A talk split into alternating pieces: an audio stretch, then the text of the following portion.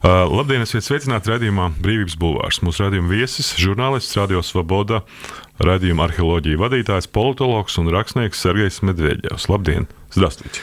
Labdien! Добрый день! Два года назад, назад вышла ваша книга «The Return of Russian Leviathan».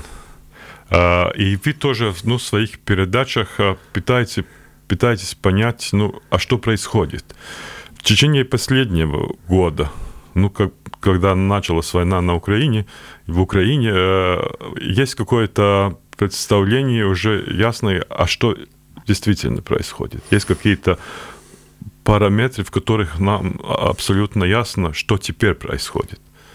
Потому что я смотрел ваши лекции mm-hmm. в Пражском университете, это было э, январь 22 года, когда ну, говорили mm-hmm. о том, что будет с Путиным, и, там, и тогда никто не знал. Ну да.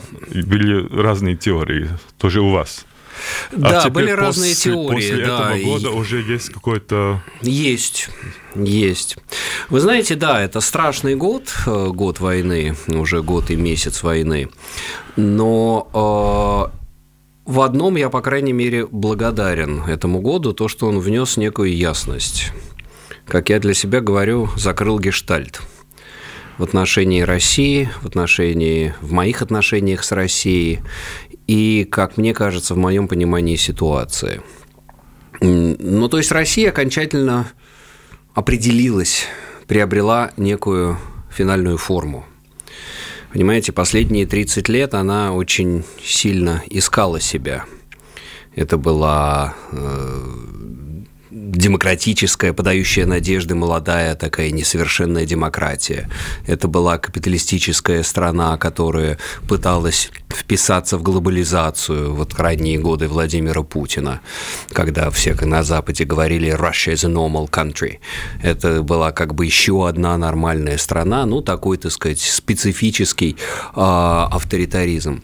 Но вот то, что происходит э, в последние годы, тот проект, который начал разворачивать Путин, и то, тот энтузиазм, с которым этот проект приняла Россия и российское население, тот энтузиазм, с которым Россия приняла войну последнего года, он как бы для меня окончательно все прояснил. Это, да, это страна, э, которая по-прежнему одержима э, постимперским ресентиментом, которая хочет реванша, которой недостаточно ее мира, места в мире с, в общем-то, неплохими стартовыми условиями, с образованным, модернизированным населением, с высокими сырьевыми доходами, с зачаточной инфраструктурой рынка, политической системе. России всего этого оказалось недостаточно. И вот ради того, что Путин поманил ее постимперской мечтой, и ради этого было опрокинуто все, что построили последние 30 лет, а может быть и последние 300 лет, петербургский период русской истории, и Россия бросилась в эту бездну. Так что для меня, по меньшей мере, этот год был годом ответов. А ответ тоже в том, что ну, очень много э, ищется ответов в истории. Тоже в вашей передаче я смотрел, там mm-hmm. было с историком Зубовым, да. А, было вопрос о том, что стоит ли Путин э, это продолжение того, что делал Петр I, или вообще это совсем друг, другое историческое э, основы для этого, и, и нужно искать что-то Знаете, он скорее, другое. скорее до этого ему даже. кажется, что он делает то, что делает Петр I. Ему кажется, что он продолжает дело Петра, Екатерины, Сталина даже. На самом деле он перечеркивает этот проект. Путин закрывает проект Российской империи. Россия отрывается от Европы. Россия отрывается от современного мира, от модернизации. Если хотите, Россия возвращается в Московию. Не случайно президент Зеленский э, так сейчас, говорю. Э, так сказать, они обсуждают петицию, при которой Россию надо переименовать в Московию. С одной стороны, это смешно, это такая комическая немножко история. С другой стороны, в этом глубокая историческая правота – Потому что Россия превратилась э, в некое такое средневековое ордынское ханство. Она возвращается в Азию. Сейчас в Москву приезжает Си, старший брат России. Россия становится вассалом Китая. Россия становится азиатской страной. Россияне будут ездить на китайских машинах, э, э, говорить по китайским телефонам, э, все больше экономических возможностей ресурсов будет переходить к Китаю, другим азиатским странам, мы видим дружбу с Ираном. То есть Россия превращается в такую азиатскую деспотию, которой она была, в общем-то, во времена Ивана Грозного, который подписывался даже хан московский Иван – Путин это даже уже не царь, он скорее хан. И вот это вот, э, как бы я вижу, возрождение таких ордынских традиций русской государственности. И, конечно, снова и снова вспоминаются пророческие книги Владимира Сорокина, который еще 15-20 лет назад э, написал «День опричника» и, так сказать, увидел, как современная Россия при всех технологиях, при всех мобильных телефонах может, однако, вернуться в московское средневековье, в российский XVI век. И Россия, понимаете, она очень быстро спускается вниз по исторической лестнице, по А что это означает, это средневековье? Это очень часто у вас упоминается, это, это, это время истории да. средневековья в России. Я не хочу здесь как бы стигматизировать это средневековье. Или... Это не э, это некое э, то, то, что это ужас, пытки, страдания людей. Э, нет, это просто дело в том, что Россия от, отвергает, отвергает институты современности, отвергает институты модерна политику, современную политику, а, элиты, а, разделение власти и собственности. Это все возвращается к феодальным средневековым временам – когда нету частной собственности, когда нету неприкосновенности личности, когда нету институтов современной политики, института гражданства, достоинства человеческого, индивидуального достоинства человеческой личности, когда отделены церковь от государства. Понимаете, европейская история шла к этому на протяжении столетий. И Россия тоже тянулась за европейской историей. Россия была таким запоздавшим модернизатором, догоняющим модернизатором. И шаг за шагом она подтягивалась, строила институты современности у себя. Вот. Иногда демократическим путем, чаще авторитарным путем, как, например, сталинская модернизация, сталинская индустриализация. Но, тем не менее, Россия тянулась. А, и вот сейчас мы видим, как все это просто ударами кувалды. Сейчас кувалда очень популярный инструмент в России после Вагнера, э, вот этого ЧВК Вагнера, после знаменитого Пригожинского видео с кувалдой. Да, и сейчас даже в России продаются сувенирные кувалды. И э, полиция на обыски приходит с кувалдой. Это стало очень популярно. И скоро, я думаю, герб России будет кувалда. Как раньше был серп и молот, а в России это будет кувалда. Извините. А, вот. И э, все это ударами кувалды рушится, все эти институты современности, и остается голая вот эта вот ордынская государственность. Понимаете, где нету политического класса, где а, все решается инструменты личной лояльности государю, есть один человек, и вокруг него выжженное поле и просто персональные какие клиентельные отношения а, вокруг, вокруг него, где нету системы классов, да, есть некое сословное представительство – где люди разделены на вот эти вот сословия, которые питаются от единой государственной руки, а, где условно достоинство человеческой жизни и вообще ценность человеческой жизни. Человеческая жизнь в России феноменально обесценилась в последний год-два – мы видим, как э, жизни размениваются, солдат размениваются на простые материальные блага, семьи получают дешевые российские автомобили, или женам даются шубы, или люди просто готовы отправлять своих близких на фронт, чтобы получить так называемые гробовые. 5-7 миллионов рублей. По нынешнему курсу это там, ну, 80-100 тысяч евро – то есть э, человек э, готов лишиться мужа, сына, отца, а если взамен государство тебе заплатит вот эту сумму. Это очень интересный такой э, торг человеческими телами начался в России. Вот, ну, конечно, это а такая... если это да. торг, тогда зачем идеология нужна? Ну, торг – это торг. Там... А вы знаете, этой идеологии не так много. Идеологии не так много. Ну, вы говорили тоже, в одной из ваших передач была посвящена а, а, идеологии смерти, что смерть стала конструктом или инструментом всего, что строится. Это даже не идеология, это инстинкт. Это инстинкт смерти, морбида, да, как э, говорил Фрейд, если бида, есть морбида, тяга, тяга, тяга к размножению, тяга к э, любви и тяга к смерти. Ну и вот Россия одержима, она вслед за Путиным стала одержима этим культом смерти. Это все началось не вчера. Мы видим, как вот этот культ победы превратился в культ смерти. Люди начали проводить шествие бессмертного полка, ходить с портретами предков и э, как, клясться именем предков. И постепенно это превратилось э, сейчас в освященный государством культ смерти, когда учителя говорят э, школьникам и студентам, что не стыдно умереть за родину, когда Путин об этом говорит, Симоньян, Владимир Соловьев в своих передачах, что вот, да, надо уметь умирать за Родину, и русские всегда умели умирать. И Россия это хорошо показывает, когда ложатся вообще шеренги за шеренги, за шеренгами российских солдат, мобилизованных, особенно ЧВК Вагнера, под э, Бахмутом. Вот. Это фантастические видео, которые там с дрона я получаю. Я думал, что это все осталось только в истории. Э, когда там в 1942 году там вот этот Невский пятачок или там Жуковское взятие Берлина, Зиеловские высоты, когда клали сотни тысяч людей ради бессмысленных целей. Да, откуда взялись эти 30 там, миллионов примерно, непонятно пока сколько, может быть, даже 36 миллионов советских жертв во Второй мировой войны. Потому что люди были пушечным мясом, расходным материалом. Немецкие пулеметчики сходили с ума, просто выкашивая советских солдат. Сейчас украинские пулеметчики фактически сходят с ума, выкашивая вот эти вот безоружных фактически шеренги вагнеровцев.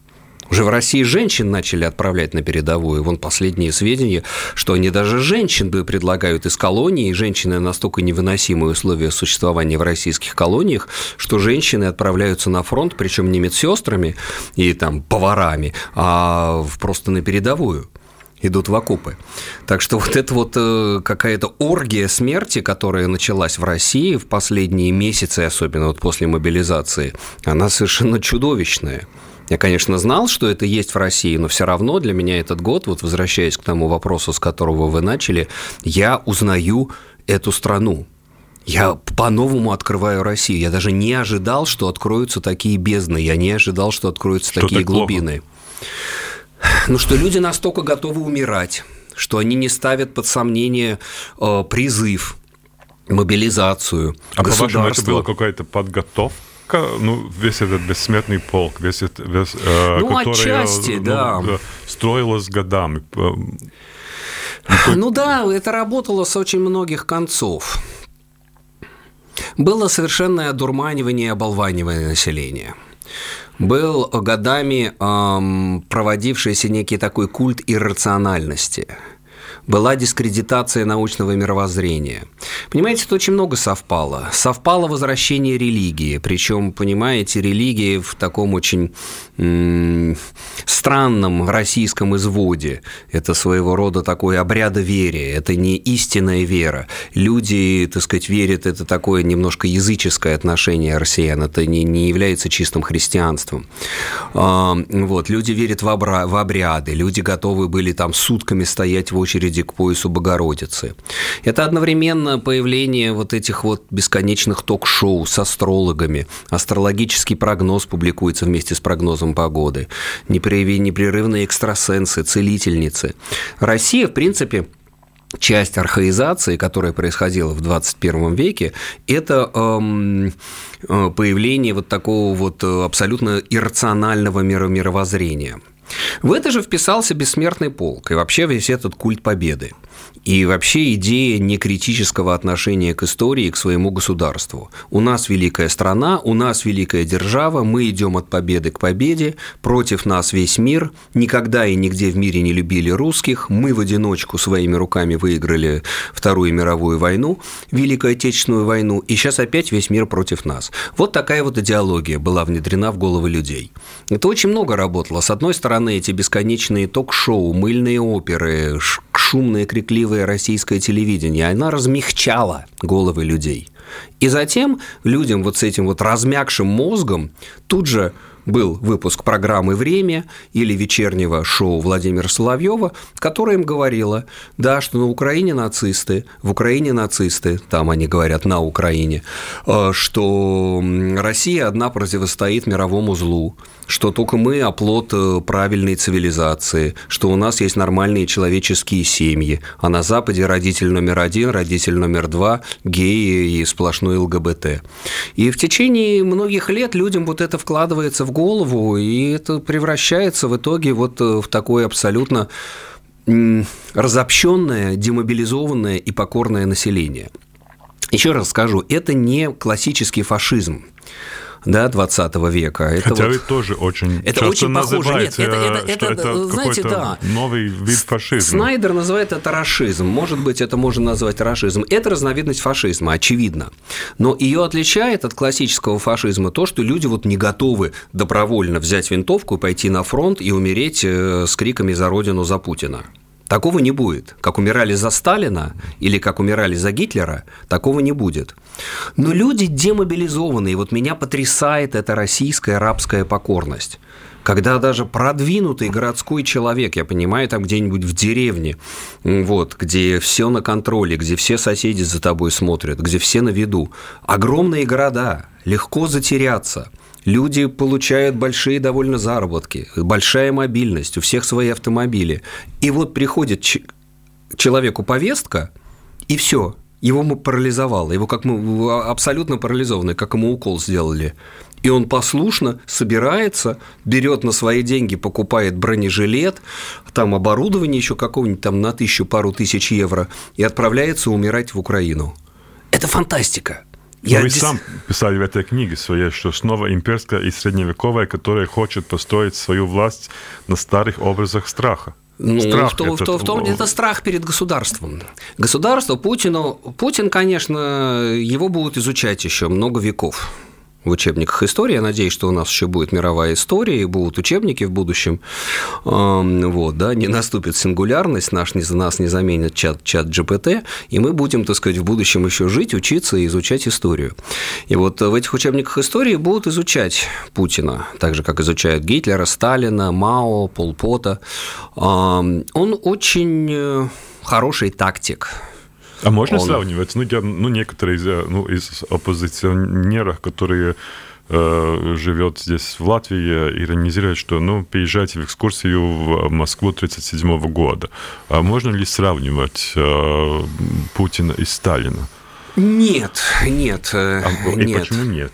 Нет, Путин гораздо более мелкого масштаба человек. Э, Сталин при всей своей чудовищности, да, и это одно из чудовищ мировой истории, учитывая, сколько жертв на его руках, э, сколько крови на его руках и жертв на его совести, все-таки он мыслил стратегически. Он был большой геополитик, он был стратег, он мог мыслить категориями глобальности – категориями, так сказать, большой глобальной конфронтации. А, он был, конечно, так сказать, социальный бэкграунд, он был недоучка-семинарист, но, тем не менее, он как по своим инстинктам, звериным инстинктам власти добрался до этой вершины, и он, в общем-то, на полном праве сидел за одним столом с Черчиллем и с Рузвельтом, решая судьбы послевоенного мира. Путин нет. Путин – это мелкий жулик – и он остался на уровне мелкого жулика, человека, который заведует э, Ленинградским портом или Петербургским портом в 90-е годы, который крышует то, что вот называлось, да, контролирует все эти ресурсные потоки, все коррупционные схемы, которые шли в 90-е годы через э, Петербургский порт. Он не поднялся выше этого. Он по-прежнему рассматривает всю Россию как вот этот вот э, Ленинградский порт, торговый порт где можно, так сказать, кого-то припугнуть, кого-то подкупить, где можно распоряжаться ресурсами и бесконтрольно обогащаться. И в этом, в этом его отличие от Сталина. То, что он действует теми же бандитскими методами, но у него нет совершенно целей, кроме собственного обогащения, кроме удержания собственной власти – Есть, конечно, какие-то такие хитроумные соловьи, которые вложили в его голову, в его неразвитые мозги мысль о том, что мир меняется, и Россия может э, как бы получить э, свое место, достойное место в новом мире, где уже умрет Запад, где распадутся международные институты, где будет только право сильного, где Россия должна вступить в союз с Китаем и, наконец, победить ненавистный Запад. Говорили ему на протяжении 20 лет в мозги вкладывали эту идеологию. Но на Украине она обломалась уже видно, что, так сказать, Запад не распался, Запад не падает. Украина даже одна может себя противопоставить российской военной силе. Но вот ему, да, так сказать, в эти чекистские мозги э, вложили эту иллюзию о том, что Россия может одна своей смелостью, своим куражом опрокинуть современный мир, сломать все правила игры и добиться успеха в новом мире без правил. Это вот э, писали все путинские идеологи, там и Караганов какой-нибудь, э, Сурков э, на протяжении десятилетий, Валдайский клуб, Ездили в этот Валдай многие западные тоже политологи, У слушали все эти речи. теории хаоса, да? Которые да, да, да, Сурков, да, да, да, он как раз незадолго. Что то, то, чем занимается Россия в нашей это экспорт, экспорт хаоса, экспорт, экспорт хаоса, хаоса, да. Это довольно успешно в какой-то момент выглядело. Да, да, но это продолжается, да, она всюду, так сказать, и здесь, и в странах Балтии, и в Европе, и в американских выборах. Это вот это вот российская гибридная тактика, когда Россия экспортирует энтропию. Он такой хитрый довольно идеолог Сурков, и он, в общем-то, правильно говорит, что Россия – это пространство энтропии. Изначально даже без Путина. Россия сама по себе абсолютно аморфная неосмысленное пространство. Об этом еще Чаадаев писал почти 200 лет назад, философические письма. В России нету сознания, нету осознанности. Да? Россия – это большое, темное, иррациональное пространство. Да, вот есть философ Борис Гройс, у него замечательная маленькая работа «Россия как подсознание Запада». Россия – это огромное пространство подсознания.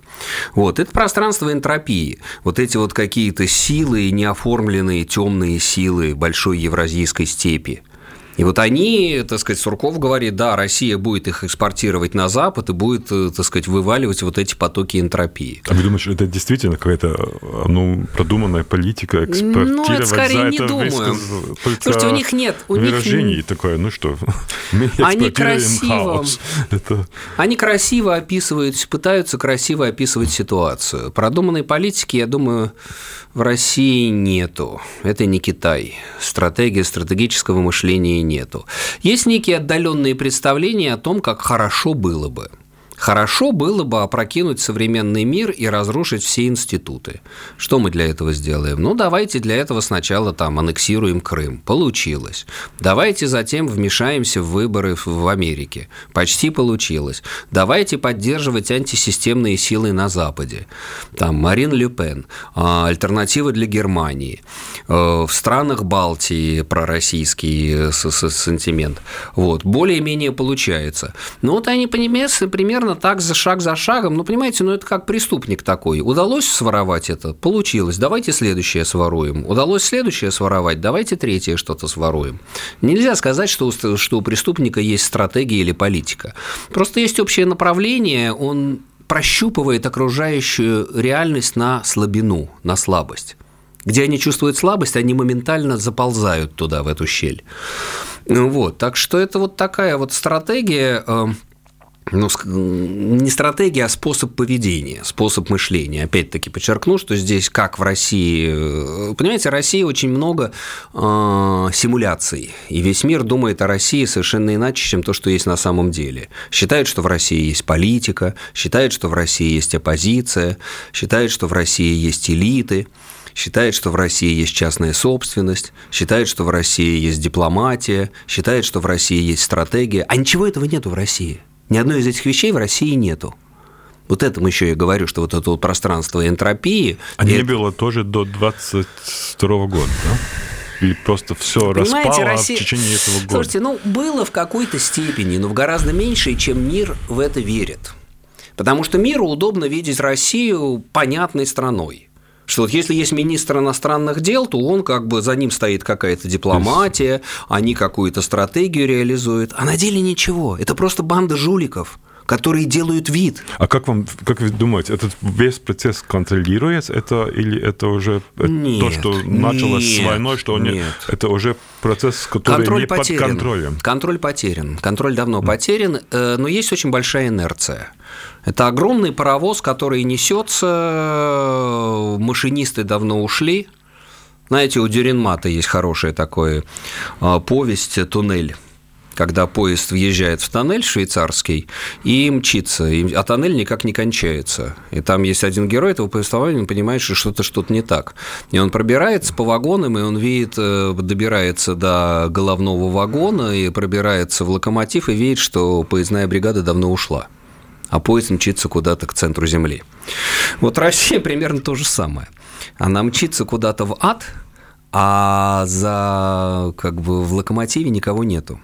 Но поезд набрал большой ход, и, так сказать, э, вот э, только сейчас Украина, может быть, немножко на поле битвы, немножко все это может быть заторможено.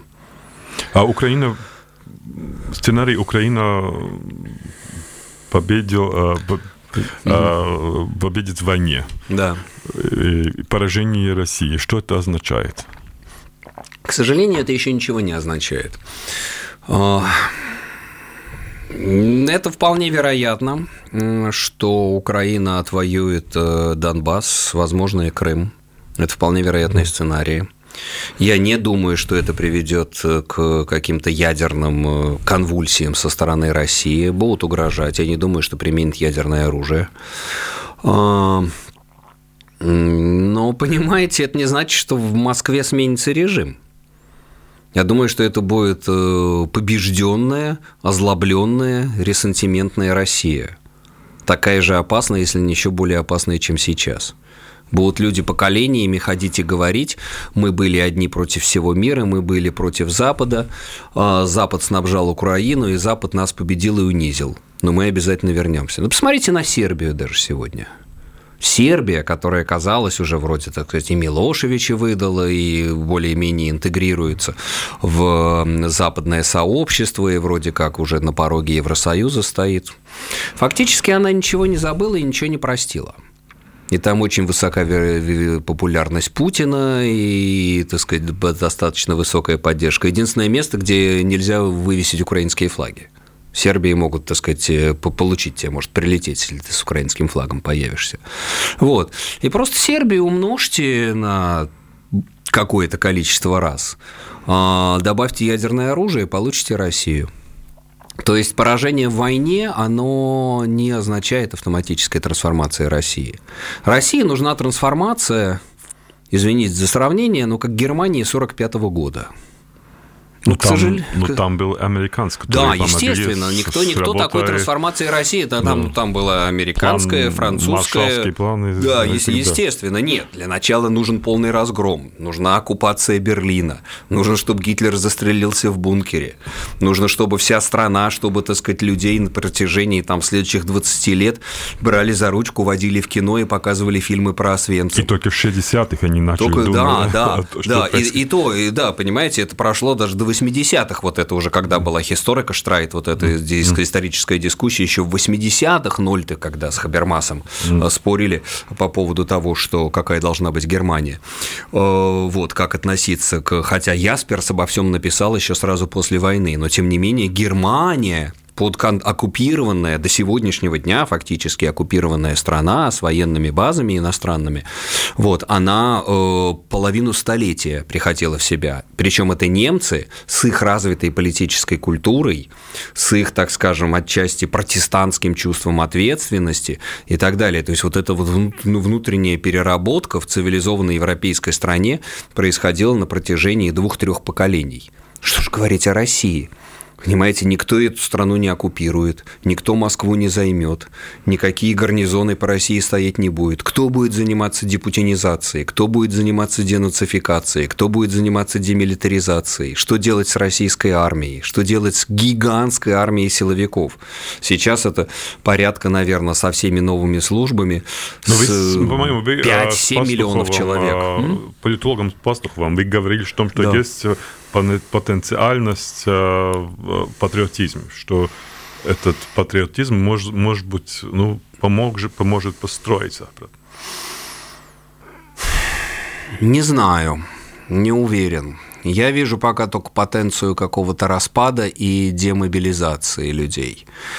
А, Единственные, ну, понимаете, это гипотетический сценарий. Я вижу только какие-то возможности в том, что появятся какие-то локальные силы. То есть люди могут организоваться вокруг своего региона, своего этноса. А, Я вижу, как люди поднимаются там в Дагестане, в Башкортостане, региональные какие-то движения, там в Екатеринбурге, в Хабаровске, там в Шиесе, в Архангельской области а, против мусорного Москве, полигона. да. А? Обратно к идее Москвы. Э, Да, но это да, это де, э, для них это демосковизация. Понимаете, почему я говорю, что мы возвращаемся вот к голой основе русской государственности? А в чем голая основа русской государственности? В том, что Москва на протяжении столетий подчиняла, насиловала и колонизировала российское пространство. Понимаете? Москва – это метрополия, Россия – это колония. Это внутренняя колонизация. И вот сейчас обнажился костяк российского государства, когда Москва против остальных, когда Москва приходит в Бурятию и забирает всех мужчин, приходит в Кемерово, там деревни пустые, там бабы одни по деревням остались, как во Второй мировой войны, потому что всех мужиков забрали и убили где-нибудь там под, э, под Бахмутом, под, э, под Авдеевкой или где там их уби- убивают. То есть, понимаете, это чистая колониальная политика. Из Москвы практически, так сказать, гораздо меньше берут людей, из Петербурга отправляют на мобилизацию, а из дальних сибирских деревень, из национальных там тувинцев, якутов, их просто под, под корень берут и отправляют умирать, убивать в Украину. Вот, это удивительно. И мне кажется, что единственное, шанс для переформатирования России – это распад вот этой вот колониальной структуры. Мне очень сложно это сейчас представить, я- это очень гипотетический сценарий. Я знаю, что есть целые форумы, где люди говорят, вот сейчас будет э, суверенизация, вот сейчас будет независимая Карелия, вот сейчас независимый Башкортостан. Честно говоря, это сложно представить. Я не могу себе представить независимый Псков. Да, как это скончилось с Иваном Грозным. Иван Грозный пришел и убил Псков. Иван Грозный пришел и убил э, Новгород. Иван Грозный пришел и убил Рязань. Это были независимые вещи. Но понимаете, со времен Ивана Грозного Москва утюгом ездит по российской земле и убивает все, что под нее попадает. Как получилась Россия? Это Москва, убившая огромное российское пространство. Огромный, жирный, надувшийся, так сказать, э, нарост на нефтяной трубе, который сейчас есть. Вот что такое Москва. И э, в этом смысле, конечно, возможно, да, в будущем могла бы быть некая новая Россия как ассоциация вот этих вот более или менее свободных территорий.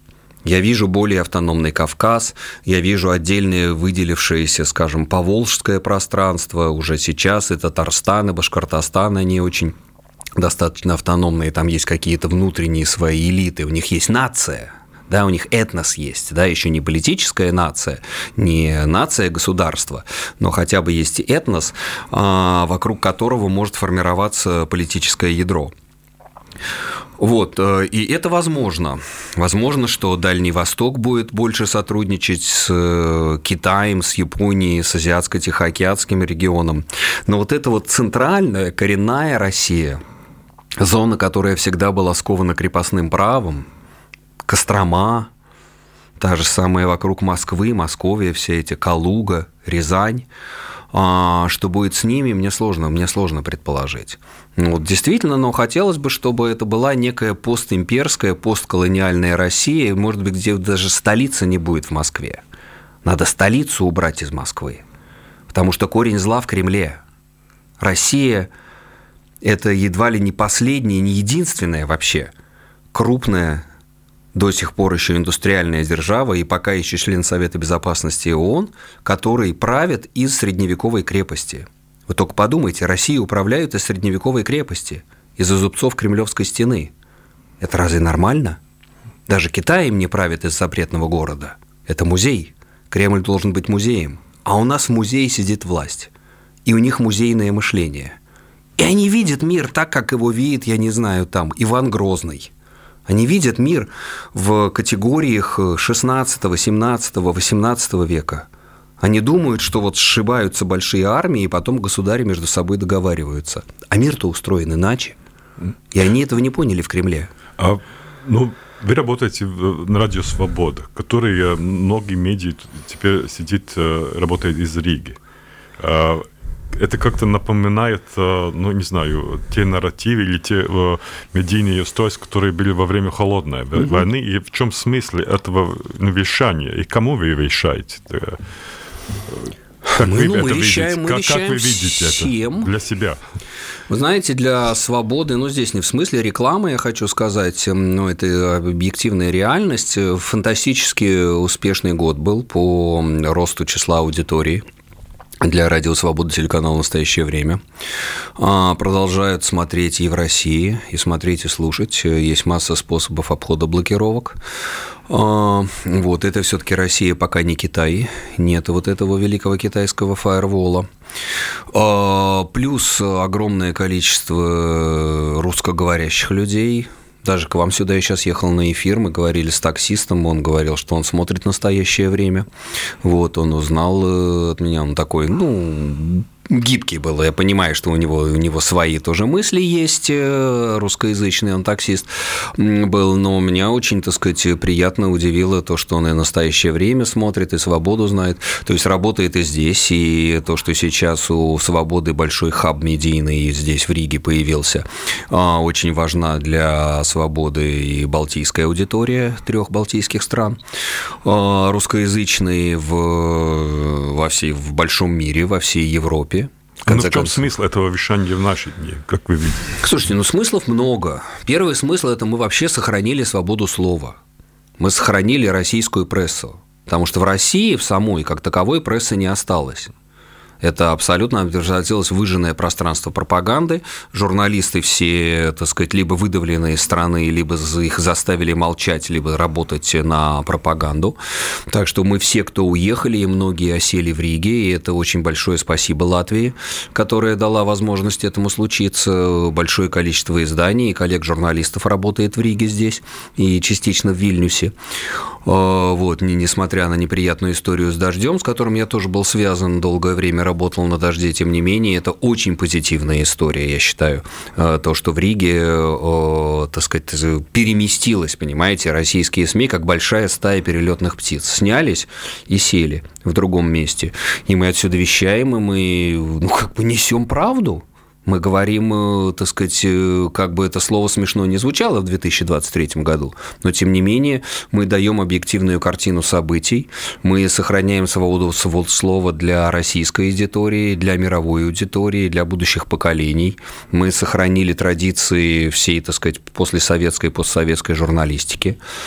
Вот. Ну и кроме того, формируется... Ну, может ли это слово э, изменить что-то? Изменить это средневековье, о котором мы Слушайте, говорили. ну, это... это, это русская классика, нам не дано предугадать, как наше слово отзовется. Понимаете? Э, ну, смотрите, «Свобода», «Голос Америки», BBC, они много десятилетий работали на Западе. Кто мог предположить?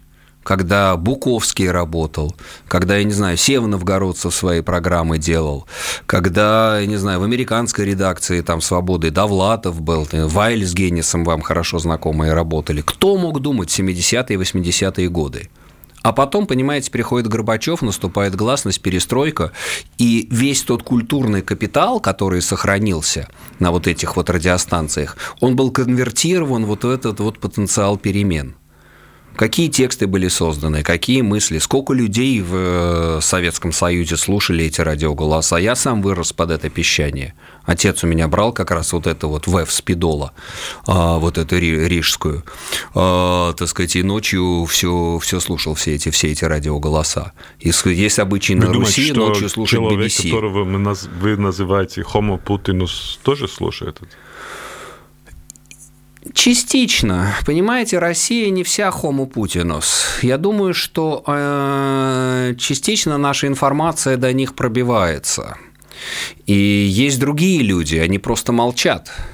Они не, понимаете, у активных э, или просто конформных, лояльных людей, да, их большинство, но, извините за такое немножко элитистское замечание, но в России никогда не решало судьбу страны большинство всегда решу судьбу страны решало больш... меньшинство.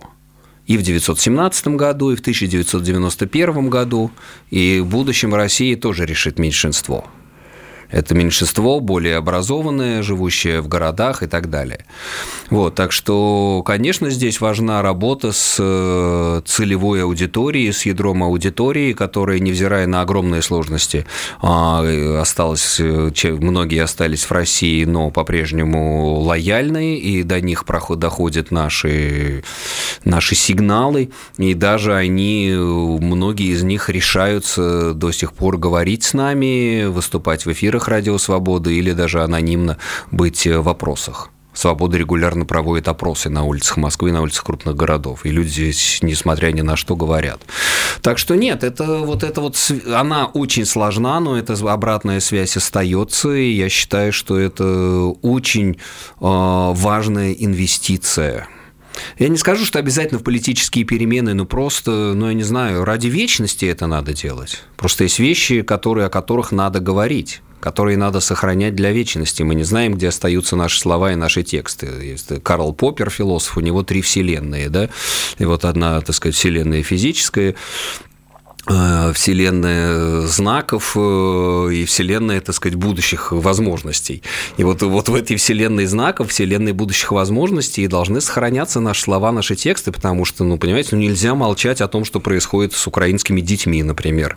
Нельзя молчать о каких-то чудовищных потерях, которые Россия там несет под Бахмутом, о тех ужасах э, мобилизации, о тех страданиях украинского народа, которые, которые идут. То есть, понимаете, просто это мораль моральное, даже без всякой прагматики, у нас есть э, моральный императив. Да, моральное обязательство – это все регистрировать, об этом говорить и пытаться донести эту правду до аудитории, оставшейся в России. А как вы думаете, есть какой, ну, то, что мы называем имперским кодом? Мы тоже э, здесь в Латвии беседуем о дожде, о том, что есть это, это, эти, этих нарративов какой-то ну, особый имперский ну, это не код. код. Я... Нет, это какой-то такой биологизм. Есть нарратив. Вы сказали нарратив, да. Я верю в силу нарратива. Есть сила дискурса. Понимаете, люди мыслят э, нарративами готовыми. Это не код, это некая матрица мышления, которая соткана из слов. Эти слова сотканы в более-менее связанный дискурс, который, да, соединен, это определенным образом организованная речь. Эта речь вложена людям в головы. И даже у человека самых, так сказать, либеральных устремлений, все равно он воспитан, он, он или она воспитаны на вот этом вот великая держава, так сказать, мы и они, Россия и внешний мир, а, Советский Союз, победа Второй мировой войны. Это невозможно вытравить. Нужна очень большая работа критического мышления, чтобы ты поставил под, созна... под вопрос, собственно, матрицу своего мышления, те слова, которыми ты мыслишь. Это действительно очень серьезная работа, и ее сложно требовать от каждого и от каждой. Вот, и поэтому, да, так сказать, журналист ультралиберального «Дождя», который действительно очень много, многое сделал, и я работал, как я сказал, на «Дожде» для дела, так сказать, размягчения России, гуманизации России. Это было действительно пионерское, новаторское СМИ. Но при этом молодой парень сидит, и он действительно, так сказать, не может вырваться из этой мыслительной парадигмы, что вот это, так сказать, наши солдаты. Ну, вот. Э, так что нет, я не хочу здесь давать оценку этой истории. Я считаю, что Латвия была в своем праве, Латвия здесь преследует свои интересы и не обязана защищать интересы свободы слова в России. Вот. Но, тем не менее, надо понять, что э, мышление людей оно меняется очень долго и оно меняется на протяжении многих лет или поколений а, работы, критической работы. И вот как раз этим мы и занимаемся, СМИ, то, что мы работаем. И вот в моей своей университетской карьере и в своей медийной карьере главное свой императив, который я вижу, это заниматься критическим мышлением – заставить людей ставить вопросы, в том числе вопросы к себе самому, к тому, как устроено твой ум, твое сознание, твои отношения с собственной страной, чтобы люди не говорили, да, вот есть священные вещи, есть Родина, есть память, есть история, есть память предков. Я говорю, нет, давайте задавать вопросы, что такое Родина, что такое предки, кто наши предки. А что означает для вас, ну, русскому жить теперь на, на Западе? Ставила Украина вопрос? Нет, ну, конечно, она ставит вопрос об идентичности, но для меня это в большой степени, конечно, это развод с Россией. Я ну, я бы не хотел считаться сейчас. Ну, то есть я русским, понимаете, я рус, русскость свою несу как стигму, как э, немец в сороковых годах. Естественно, я от нее не открещусь. Да, я рожден э, в Советском Союзе, да, я воспитан в лоне русской культуры, русский мой родной язык, но это для меня накладывает и ответственность за те преступления, которые несет, э, которые совершает путинская Россия, за убитых в Буче за разбомбленных детей в Мариуполе, за украденных из Украины детей. И я абсолютно, так сказать, по-ясперсовски смотрю на это, на все. И это часть э, моей, пускай не прямой вины – он различал вину, вину и ответственность, но это часть моей ответственности.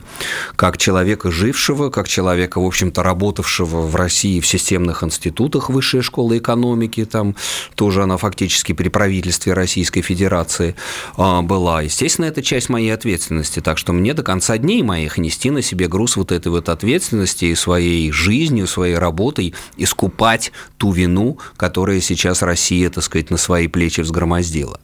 Но для России это, конечно, в таком вантологическом смысле это огромная катастрофа. Это катастрофа обнуления всей русской культуры, всей русской цивилизации.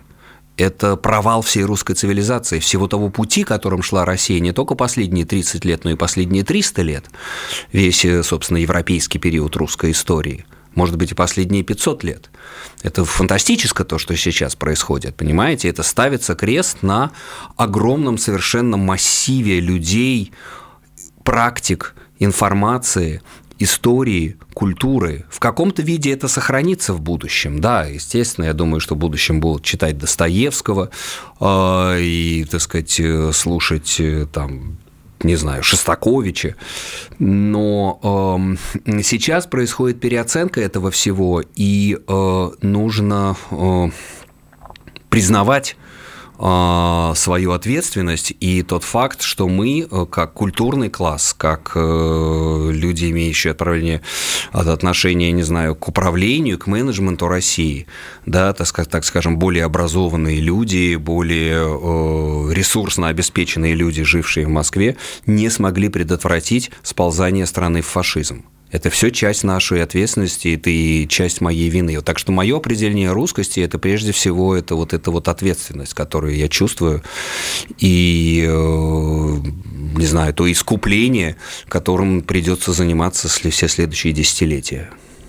Спасибо вам большое.